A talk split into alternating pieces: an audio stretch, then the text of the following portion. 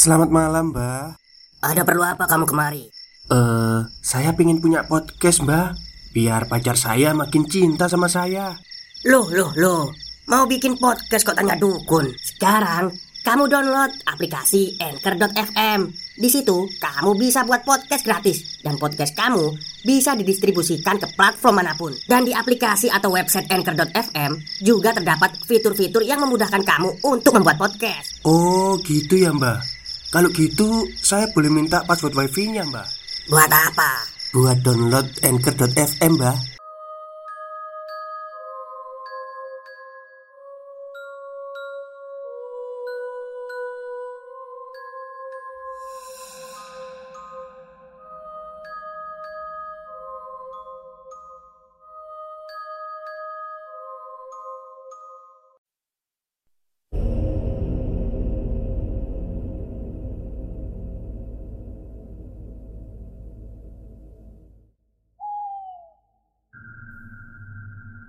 Assalamualaikum warahmatullahi wabarakatuh. Halo semuanya Jumpa lagi dengan saya Chow Sing Sing Kurator dari podcast Horror Night Story. Halo apa kabar semuanya? Semoga kalian semua sehat-sehat ya. Dan pada malam hari ini saya kembali Dan akan menceritakan sebuah kisah yang saya ambil dari treat horornya Mas Cerita Parno. Oke, daripada kita berlama-lama, mari kita simak ceritanya. Sabtu siang sepulang sekolah, saya bersiap-siap untuk berangkat menuju ke rumah sakit yang ada di kota Jogja. Tujuan saya pergi ke sana untuk menemani ibu yang sedang menunggu bapak yang sudah beberapa hari ini dirawat di rumah sakit. Bapak saya mendapat musibah setelah sebuah insiden kecelakaan menimpa beliau, dan beliau harus dirawat di rumah sakit untuk beberapa waktu.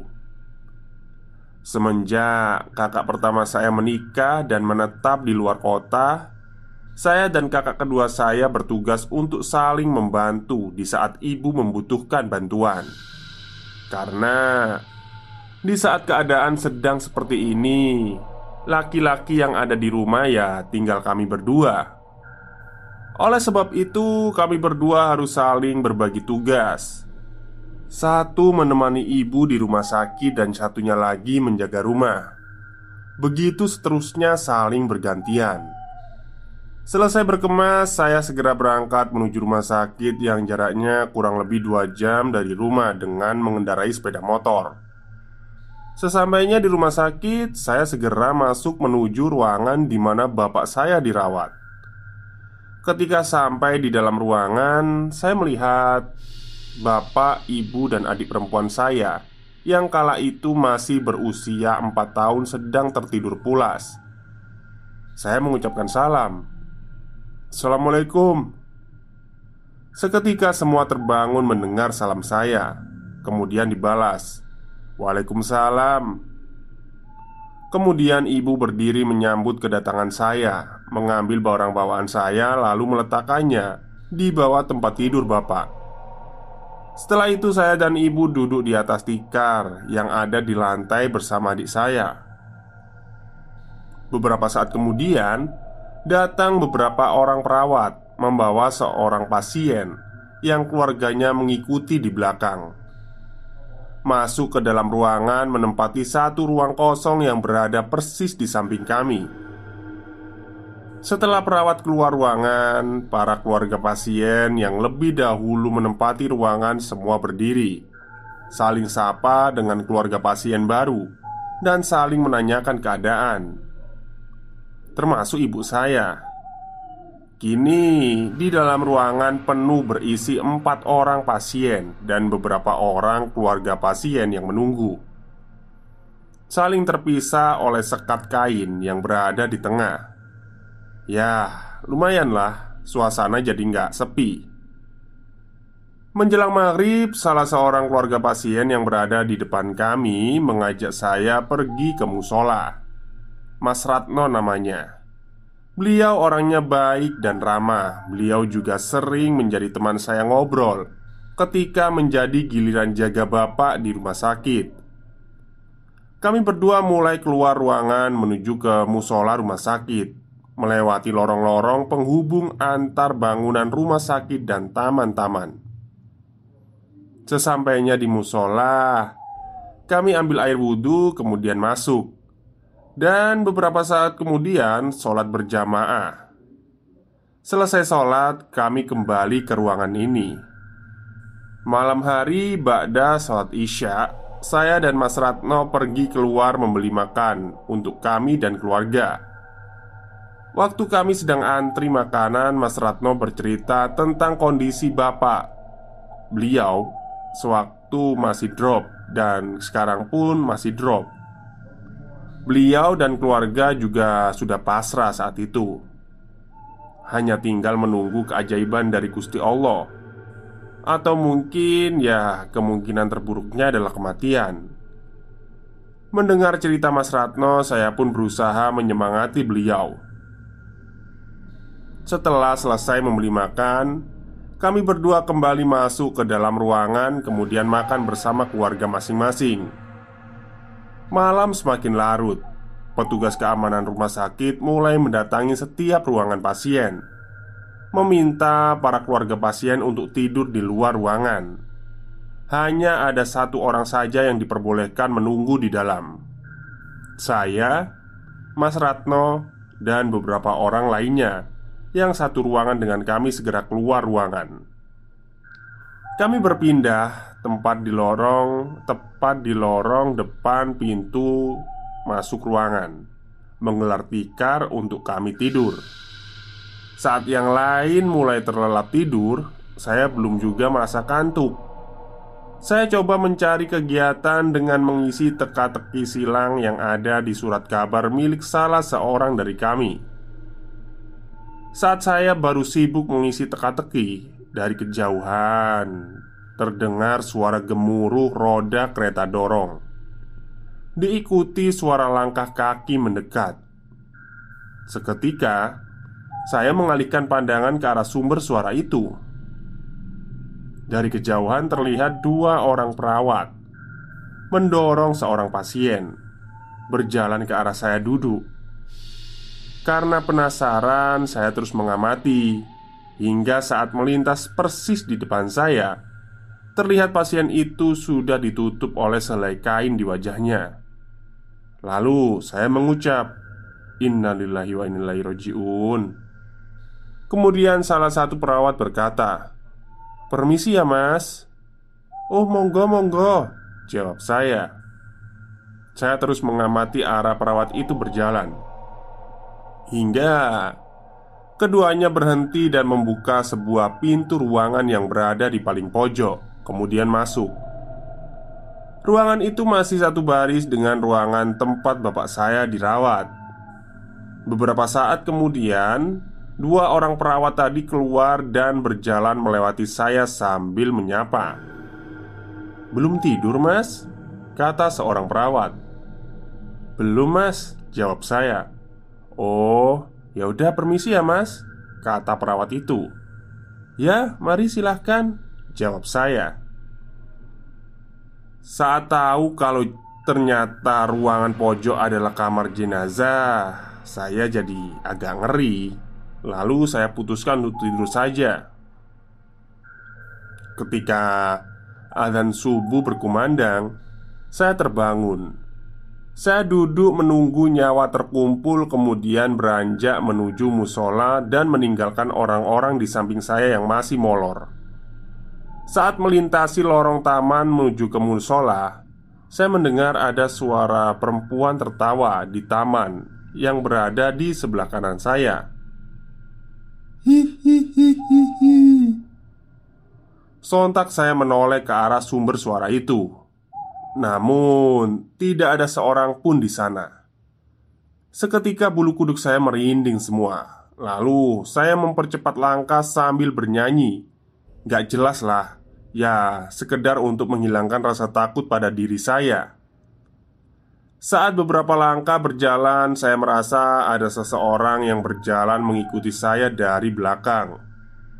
Saya berhenti, kemudian menengok ke belakang, mencoba memastikan, tapi lagi-lagi tidak ada siapa pun yang saya lihat. Dan ketika saya membalikan pandangan ke arah semula, Betapa kagetnya saya ketika melihat ada sosok perempuan berbaju putih dengan rambut yang panjang terurai Berdiri membelakangi saya tepat di depan mata. Sontak saya melompat ke belakang sambil membalikan badan Kemudian berlari secepat mungkin menuju ruangan bapak saya. Saat memasuki lorong ruangan Terlihat Mas Ratno dan yang lainnya sudah bangun. Mereka kaget dong melihat saya berlari. Kemudian bertanya Wih, kenapa dek? Ada apa? Tanya Mas Ratno. Saya ditakuti hantu mas di sana. Jawab Ratno, jawab saya Kemudian Mas Ratno menyuruh saya duduk dan menawari minum agar saya tenang Setelah tenang, saya mencoba menceritakan kejadian yang barusan saya alami kepada mereka Mendengar keributan di luar, ibu saya dan beberapa keluarga pasien yang menunggu di dalam keluar satu persatu. Kemudian ibu bertanya, "Lapo le?" tanya ibu. Lalu Mas Ratno menyaut pertanyaan ibu kemudian menerangkan ke ibu sebelum saya sempat menjawab. "Oh alah," jawab ibu santai. Akhirnya, semua orang yang ada di situ menyuruh saya untuk sholat di lorong saja dengan alasan agar tidak terbayang-bayang lagi. Kemudian, saya mengambil wudhu di toilet dalam ruangan, lalu sholat berjamaah dengan beberapa orang di lorong depan ruangan. Siang hari, saya, Mas Ratno, dan beberapa orang keluarga pasien sedang berkumpul setelah makan siang bersama di sebuah warung depan rumah sakit. Kemudian datang seorang satpam penjaga rumah sakit yang ikut duduk bergabung dengan kami. Pak Satpam kemudian memulai obrolan dengan bertanya, "Tadi pagi yang melihat hantu siapa, Pak? Kok saya dengar dari ibu-ibu kamar A ada yang melihat hantu?" Kata Pak Satpam. Saya diam saja. Kemudian Mas Ratno menyaut, "Nah, ini orangnya." Jawab Mas Ratno sambil menunjuk ke arah saya Semua orang pun tertawa Saya cuma cengar-cengir menahan malu Lalu Pak Satpam mulai bercerita Beliau berkata bahwa sosok yang saya lihat subuh tadi memang sering menampakkan dirinya di, di antara para pengunjung atau petugas rumah sakit. Panjang lebar beliau bercerita tentang semua kejadian-kejadian serupa yang pernah beliau alami sendiri, walaupun cerita dari orang lain, hingga kami semua yang sedang berkumpul saat itu dibuat ngeri setelah mendengar semua cerita dari Pak Satpam. Lumayan lama kami berkumpul bersama di warung siang itu Sekedar ngobrol, ngalor ngidul dan saling memberi semangat atas ujian Gusti Allah yang sedang kami jalani Kemudian satu persatu di antara kami mulai kembali masuk ke dalam rumah sakit Termasuk saya dan Mas Ratno Malam harinya Saya dan beberapa orang lainnya berada di lorong depan ruangan tengah bersiap-siap untuk tidur Saya memutuskan untuk tidur lebih awal Sebab esok hari setelah subuh Saya berencana pulang ke rumah karena harus sekolah saya mencoba memejamkan mata terlebih dahulu dibanding yang lain. Namun, hingga saat orang-orang di samping saya sudah tertidur pulas, saya masih belum bisa tidur. Hingga beberapa saat akhirnya saya menyerah dan memilih bangun. Kemudian saya masuk ke dalam ruangan bapak untuk berkemas-kemas Dengan harapan setelah capek berkemas saya bisa tertidur pulas Selesai berkemas, saya kembali keluar ke depan ruangan. Kemudian, saya duduk di atas tikar di tengah-tengah orang-orang yang sedang terlelap itu. Cekat! Terdengar suara engsel pintu yang terbuka di ruangan pojok. Perlahan saya alihkan pandangan ke arah sumber suara. Beberapa saat saya amati, namun saya tidak kunjung melihat adanya seseorang. Seketika rasa takut, was-was, dan bayangan-bayangan yang menyeramkan menghinggapi pikiran saya. Saya mencoba mengambil nafas panjang, kemudian saya berdehem sedikit dengan tujuan agar hati saya kembali tenang. Seketika suara dehem juga terdengar dari ruangan pojok. seolah membalas suara dehem saya. Saya pun langsung menengok ke arah itu. Pandangan saya langsung tertuju pada sosok perempuan berbaju putih berambut panjang sedang duduk di atas daun pintu yang terbuka sambil mengayun-ngayunkan kaki. Daun pintu memang cukup ya dibuat duduk ya. Oh, mungkin daun pintunya gede ya. Oke, lanjut. Seketika saya segera berlari masuk ke dalam ruangan bapak Ibu saya terbangun mendengar langkah kaki saya dan kemudian bertanya Kamu kenapa lagi sih Le?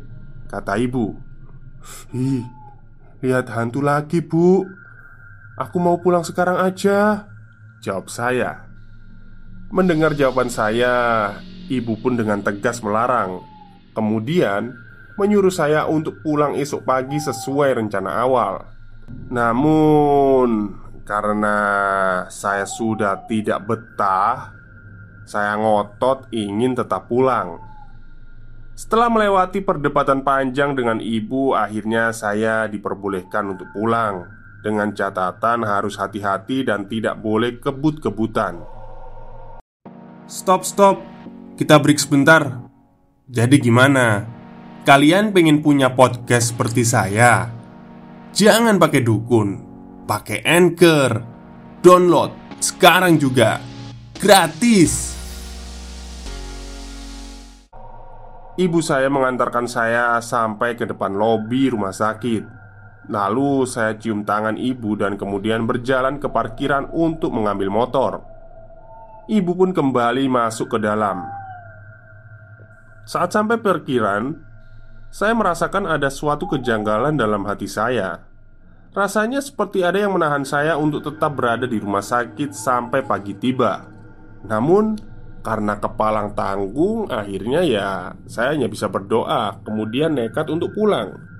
Jam di tangan kiri saya menunjukkan waktu pukul 22.45 Dengan rasa janggal yang masih mengganjal dalam hati Saya mulai berjalan mengendarai sepeda motor saya saat keluar dari rumah sakit, saya segera memacu sepeda motor saya menuju ke arah jalan Jogja Solo. Tapi entah bagaimana ceritanya, saya malah sampai ke jalan Jogja Magelang. Padahal arah kedua jalan itu berbeda jauh. Saya mulai sadar ketika saya melewati terminal bus Jombor. Saya segera menepi Kemudian putar arah untuk kembali ke arah jalan Jogja Solo Hampir satu jam lebih saya berjalan mengendarai sepeda motor Namun pemandangan dan lokasi serupa berkali-kali saya temui selama hampir satu jam perjalanan. Hingga ada seorang bapak-bapak tukang ojek yang berada di terminal memperhatikan saya Kemudian bertanya Mau ke mana dek? Tanya bapak ojek itu. Saya mau pulang ke Gunung Kidul pak Jawab saya Mendengar jawaban saya Bapak ojek itu akhirnya memberitahu Kalau saya salah jalan Kemudian beliau menjelaskan alasan beliau menghentikan saya Karena beliau melihat saya sudah berkali-kali Mengitari area terminal dalam waktu yang cukup lama Akhirnya beliau menghentikan saya dan bertanya karena saya seperti orang yang kebingungan. Kemudian beliau menyuruh saya untuk duduk dan beliau memberi saya minum. Lalu bertanya, "Kok bisa nyasar sampai sini? Gimana ceritanya?" Tanya Pak Ojek. Saya pun menerangkan, bahwa saya juga tidak tahu kenapa bisa nyasar sampai di tempat ini. Yang jelas, ini beda jalurnya. Sebab saya merasa dalam pandangan saya bahwa jalan yang saya lewati sudah sesuai arah jalan pulang. Akhirnya, setelah saya selesai bercerita, beliau berinisiatif untuk mengantarkan saya sampai ke jalan Jogja Wonosari, mengawal dari belakang. Nah, beberapa saat kemudian, kami berdua berangkat mengendarai sepeda motor masing-masing. Sesampainya di daerah Piungan, saya menepi, kemudian saya berkata kepada beliau kalau cukup sampai di sini saja mengantarnya. Lalu, saya mengucapkan terima kasih kepada beliau. Dan saya berniat untuk memberikan uang 10 ribu saya Tanda terima kasih Tapi bapak itu menolak Beliau berkata tidak akan menerima uang pemberian saya Karena beliau ikhlas untuk menolong setelah berpamitan, kami berpisah. Saya kembali melanjutkan perjalanan. Saat melintasi tikungan daerah Patuk, setelah wisata Bukit Bintang, motor saya mogok. Saya segera menepi untuk mengecek bensin motor saya. Bensin terlihat masih cukup banyak, lalu saya cek pada bagian pengapian busi. Masih terlihat normal juga. Beberapa saat saya berhenti dan terus berusaha menyalakan motor saya. Hingga setelah beberapa kali mencoba Akhirnya motor saya kembali menyala. Saya pun kembali meneruskan perjalanan. Baru beberapa meter berjalan Eh, motor saya mogok lagi. Saya kembali mencoba menghidupkan motor saya sampai beberapa saat. Kemudian, saya mendengar ada suara orang bertanya Macet mas. Saya menoleh ke arah suara itu. Dan seketika Jantung saya rasanya mau copot. Saat mengetahui bahwa yang bertanya adalah sesosok makhluk perempuan berbaju putih Berambut panjang Sedang duduk di atas pohon tepat di sebelah kiri saya. Sama persis dengan apa yang saya jumpai di rumah sakit. Sontak saya berteriak Astagfirullah. Lalu saya berlari menjauh. Saat saya berlari Dari lawan arah terlihat sebuah mobil akan melintas. Saya segera berdiri di tengah jalan untuk menghentikan mobil itu. Tin! Terdengar klakson dari mobil itu memberi tanda saya agar minggir. Namun saya tetap berdiri sambil mengangkat tangan saya untuk memberi tanda agar berhenti. "Weh, apa mas?" Tanya sang sopir dengan nada ketus dan raut wajah marah. "Ngapunten pak, saya minta tolong mau barengan sampai depan Motor saya mogok terus, ada yang nungguin Kata saya takut Walah, jawab pak sopir Kemudian beliau berjalan pelan menepi, lalu berhenti di belakang motor saya. Beliau turun dari mobil, kemudian mencoba menyalakan motor saya. Dalam sekali percobaan, motor saya langsung menyala, dan kemudian beliau berkata, "Berdoa dulu, Mas," kata beliau. Segera saya berdoa sebisa saya, kemudian kami segera berjalan. Saya berjalan di depan mobil bapak itu hingga kami terpisah di sebuah persimpangan jalan. Karena arah jalan rumah kami berbeda, saya mengucapkan terima kasih kepada beliau. Saat hampir memasuki wilayah hutan bunder, mulai turun hujan gerimis di sana. Saya kemudian berhenti di sebuah gubuk tambal ban yang telah tutup untuk bertuduh. Sambil menunggu kendaraan yang melintas searah Sebab ketakutan akan bayangan-bayangan makhluk itu masih saya rasakan. Sehingga membuat saya tidak berani untuk melewati jalan panjang di tengah hutan bundar seorang diri. Cukup lama saya menunggu. Akhirnya dengan modal doa Saya memutuskan untuk tetap nekat saja meneruskan perjalanan. Saya sendirian Ketika saya sampai di sebuah jembatan panjang Kali Oya Yang berada tepat sebelum memasuki hutan saya melihat ada sorot cahaya lampu kendaraan dari belakang. Seketika saya memperlambat laju motor saya untuk menunggu kendaraan itu mendekat. Saya berjalan pelan hingga beberapa saat kemudian saya mulai masuk ke area jalan tengah hutan. Kendaraan yang saya tunggu tidak kunjung mendekat. Saya coba melihat kaca spion sebelah kanan, dan seketika saya dikagetkan oleh sosok makhluk perempuan tadi yang mengikuti saya terbang dari belakang. Sontak, saya langsung tancap gas, tapi makhluk itu terus mengikuti saya. Dia berpindah di tepi jalan sebelah kanan saya, terus terbang mengikuti laju motor saya.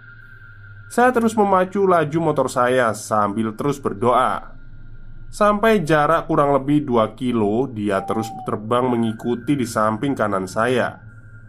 Hingga tiba di sebuah tikungan Saya tengok dia sudah menghilang.